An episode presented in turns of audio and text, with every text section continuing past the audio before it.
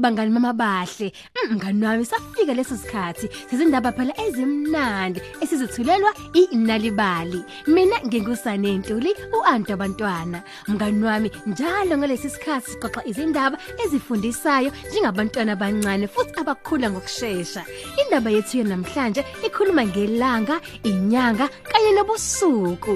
Ngakho mngani wami asihlaleni sonke phansi silalele nali ibali ngolunye kusuku ilanga lavuka ekseni labuka lathi maselibukile lasilinqamula phela esiphakaphakeni endleleni yalo labona amafu Kungani eme endleleni yami?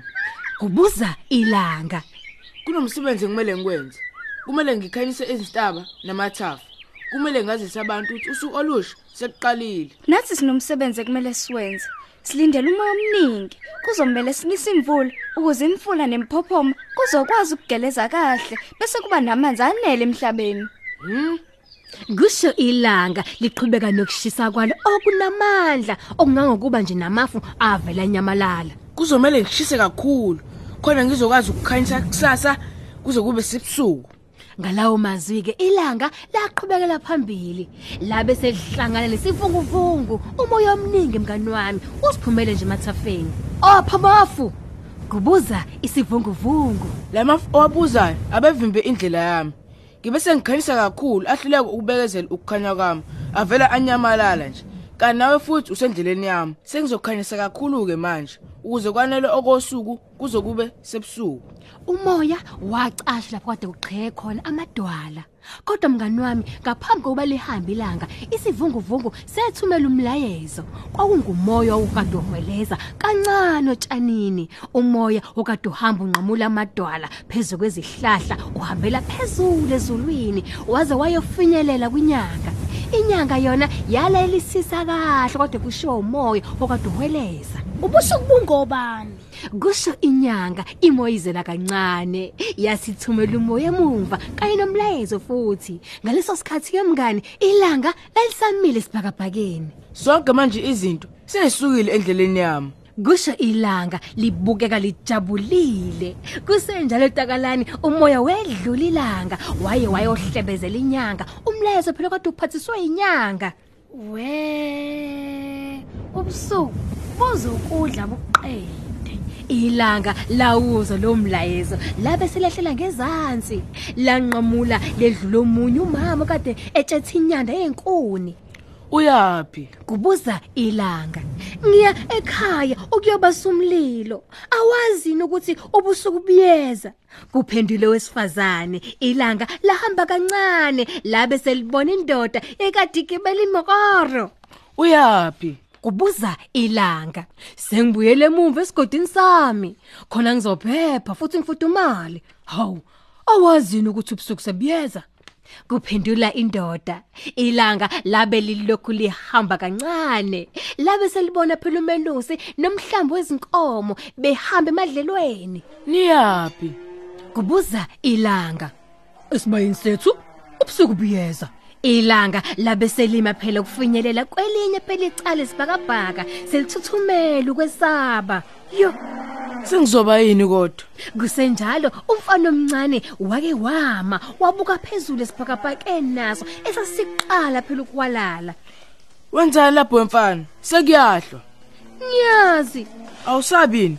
Awazi ukuthi ubusuku uzokudla bokuqeda nya. cha ubusuku isikhathi sokuphumula. Ulala uphumule kamnandi futhi uphuphe. Ubusuku nje futhi kunjengengubo efudumalayo oyembathayo futhi yanele umhlaba wonke. Uma ubheka phezulu ubona izinkanyezi ezincane ezibenyezelayo. Ilanga lavele nje lafikela ukunqanqazela nokwethuka. Umfana wabe sethi Hayi, ungesabi. Ungalandela lokhu kukhanya kusukela lapha yana ekuphileni kwesibhakabhaka sobusuku uze uyofinyelela kwenye indawo. Kusasa nje umhlaba wonke uzokujabulela ukukubona futhi buka nje. Kusho umfana ekukhomba izinkanyezi. Nakho ya ukukhanya kokuqala kuzokuholela kwelinye icele lomhlaba.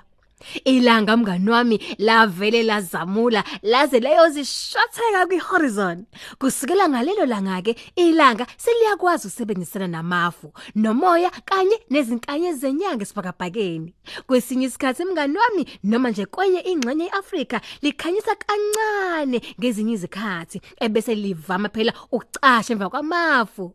Kodwa njalo umilanga selifinyelela onqenqemeni lomhlaba liye libe phela nokungabaza ebese likhumbula umlezo wenyanga.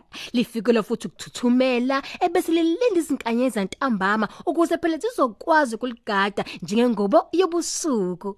Ilanga ke mngani wami lafundisa ifundo esibalekile.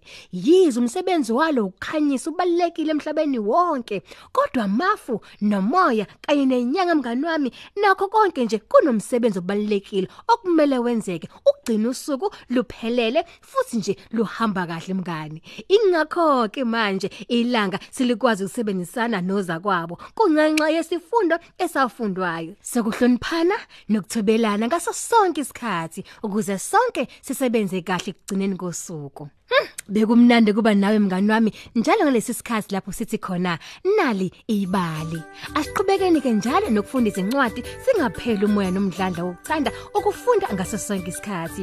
Kanti ke ezinye izindaba ziyatholakala ngokungena kwimobisite yethu ethi nalibali.mobi ngomakhalekhukhwini wakho. Usifundele noma inini indaba yakho yosuku oyithandayo mahala. Nathi bazali asibakhuthaze umuntu ozabethu ngokufunda. Kanti ezinye izindaba sezithola njalo ngamasonto ephepheni lethu iSunday World. Mina nje ngingusane Ntuli uwantu abantwana ngithi nje ni sale kahle. Hlanganyela emkhankasweni yokufunda ngokujabula nenalibali imizuzu eyishumi nanhlanu kuyo lenyanga uNhlangulana. Ubambe iqhaza ekufundeni abantwana izincwadi phela ukuze kuthuthuke izinga labo lezembhalo ngakho zibophezele ngokwakho ekufundeni abantwana izindatshana imizuzu eyishumi nanhlanu zonke izinsuku kuze kube sekupheleni kwalenyanga ngokwenza njalo ungazibeka emathubeni okuzwinela izincwadi ezibiza inani u90000 rand. Ukwazi kabanzi kalomkhankaso ungavakashela iwebsite enalibali ethi www.nalibali.org noma uthi www.nalibali.mobi uphinde futhi uzithole izindatshana eziningi kanye phela namasokuxoxa izinganekwane